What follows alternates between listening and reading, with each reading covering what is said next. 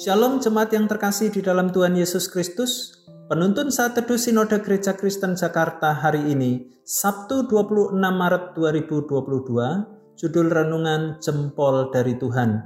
Terambil dari Injil Matius pasal yang ke-25 ayat yang ke-19 sampai 23. Lama sesudah itu pulanglah Tuhan hamba-hamba itu lalu mengadakan perhitungan dengan mereka Hamba yang menerima lima talenta itu datang dan ia membawa laba lima talenta. Katanya, Tuhan, lima talenta Tuhan percayakan kepadaku, lihat, aku telah beroleh laba lima talenta.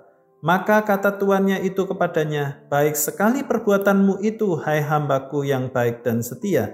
Engkau telah setia dalam perkara kecil, aku akan memberikan kepadamu tanggung jawab dalam perkara yang besar masuklah dan turutlah dalam kebahagiaan Tuanmu. Lalu datanglah hamba yang menerima dua talenta itu, katanya, Tuhan, dua talenta Tuhan percayakan kepadaku. Lihat, aku telah beroleh laba dua talenta. Maka kata tuannya itu kepadanya, Baik sekali perbuatanmu itu, hai hambaku yang baik dan setia.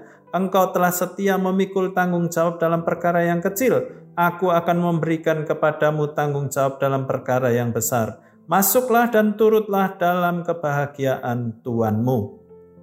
Kita tidak boleh meremehkan kekuatan sebuah jempol. Saat memencet tombol send di telepon genggam menggunakan jempol, pesan yang terkirim bisa mempengaruhi suasana hati penerimanya.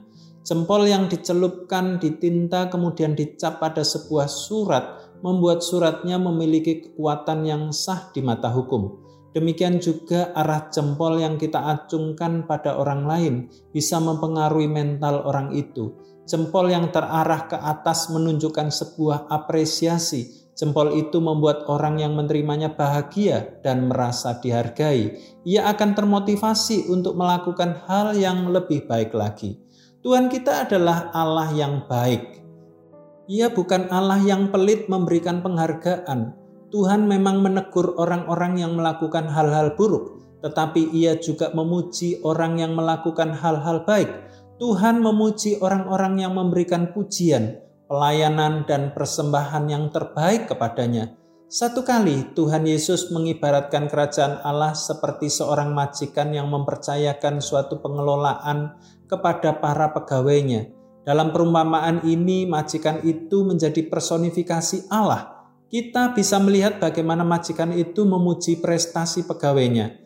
Baik sekali perbuatanmu itu, hai hambaku yang baik dan setia. Engkau telah setia dalam perkara kecil. Masuklah dan turutlah dalam kebahagiaan Tuhanmu.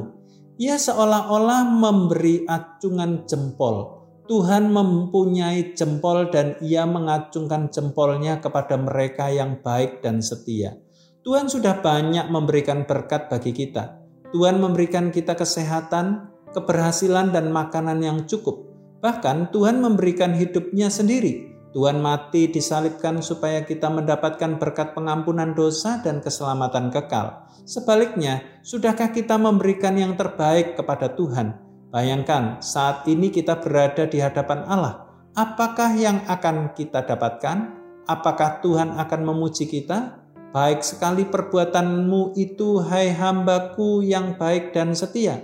Engkau telah setia dalam perkara kecil. Masuklah dan turutlah dalam kebahagiaan Tuhanmu. Ataukah Tuhan akan bersedih melihat kita karena kita tidak memberikan yang terbaik pada Tuhan?